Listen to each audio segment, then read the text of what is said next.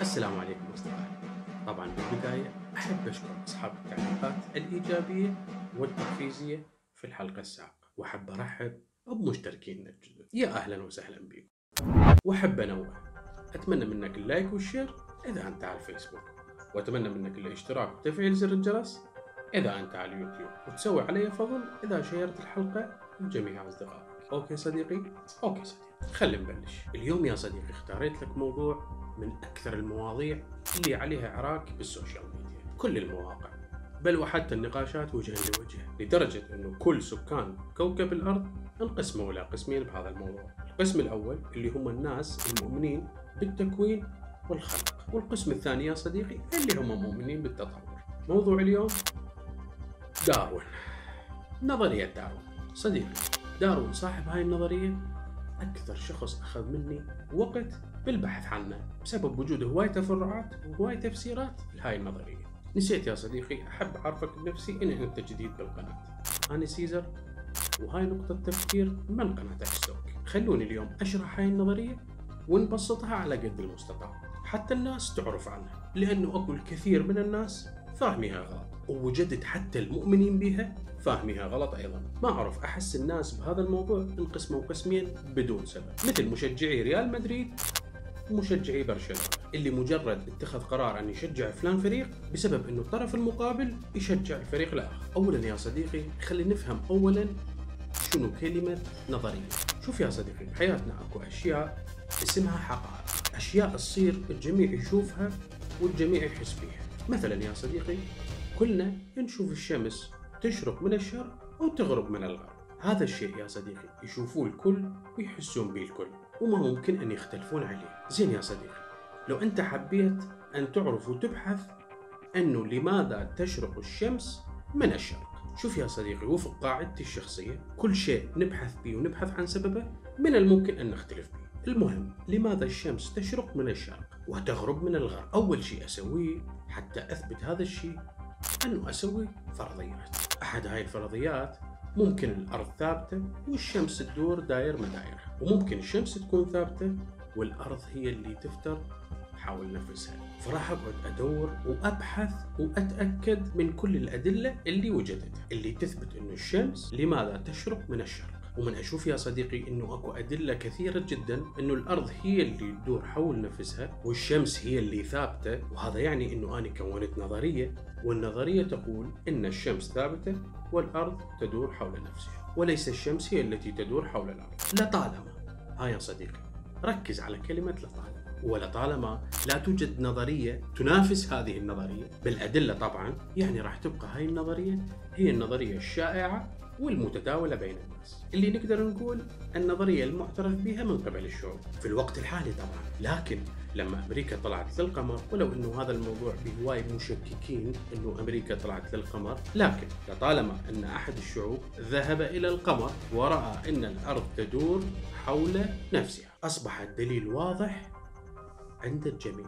الأرض تلف حول نفسها فأصبحت هذه النظرية إلى حقيقة. تمام يا صديقي؟ يعني النظرية عبارة عن استنتاج مبني على أدلة كثيرة وشرط أن تكون هذه الأدلة شفتها بعيني واختبرتها أيضا. ملاحظة يا صديقي. كل ما الأدلة قوت فإن هذا يدل على أن كل ما أن احتمالية هذه النظرية هي الأصح. لكن عمرها ما راح تكون حقيقة إلا ما أشوفها بعيني لكن هناك مشكلة يا صديقي. هاي المشكلة يا صديقي دائما تحصل مع الأشياء التي حدثت في الماضي. يعني هاي الأشياء عمري ما راح أقدر أشوفها تصير فتبقى دائما هي نظرية موجودة وليست حقيقة. لأنه ما شفتها بعيني أصلا. هسه عرفت يا صديقي؟ أكيد عرفت. خليني أدخل لك يا صديقي بنظرية التطور. شوف يا صديقي. الإنسان بطبيعته عنده الكثير من التساؤلات ويمكن أصح هذه التساؤلات هي قصة حياة الإنسان وكيف وجد على هذه الكرة الأرضية. شوف يا صديقي الناس قبل تقول أن الله سبحانه وتعالى قد خلق كل شيء مثل ما هو الآن. لكن جماعة العلم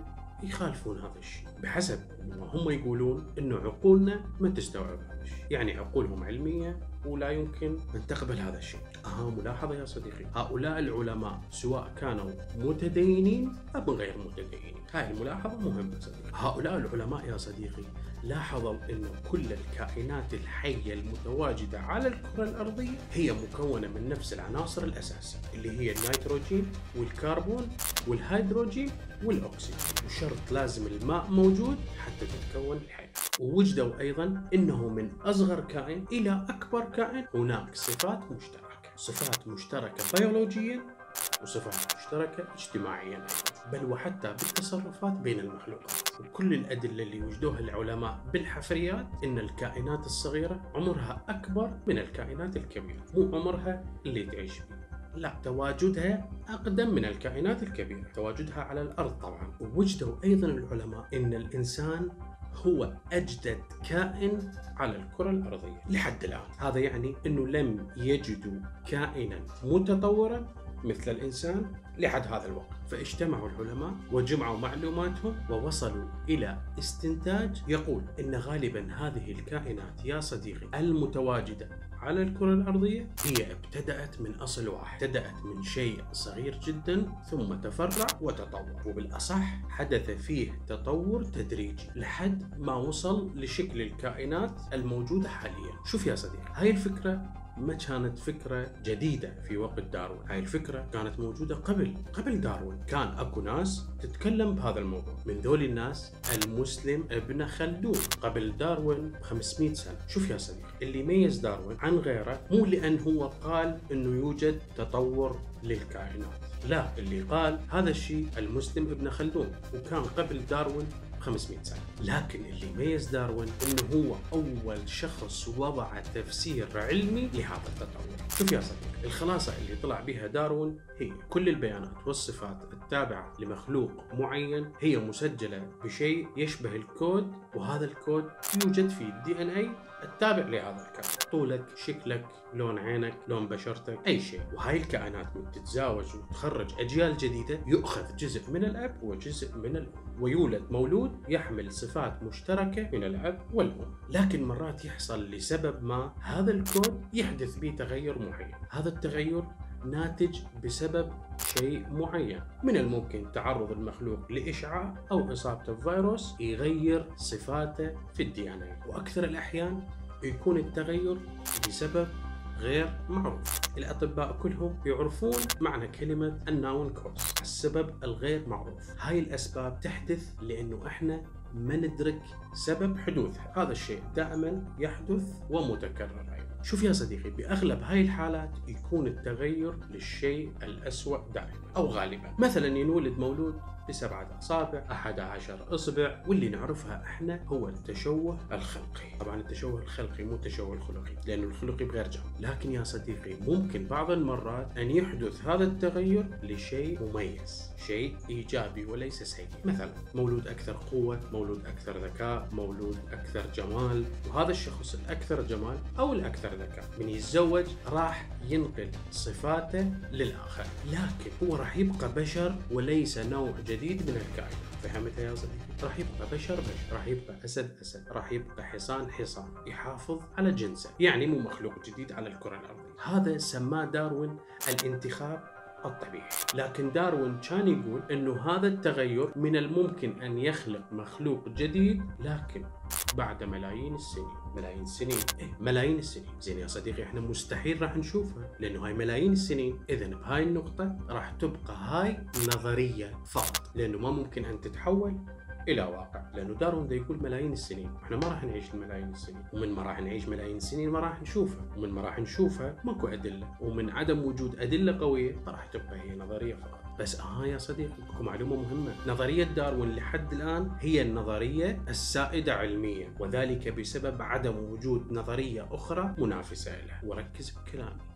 عدم وجود نظرية أخرى. جماعة أهل الدين اختلفوا اختلاف جذري مع هاي النظرية. يعني مثلا المتدينين من المسيحيين واليهود رفضوا هاي النظرية رفض قاطع لأنها تعتبر مخالفة للنصوص الكتب المقدسة لديهم.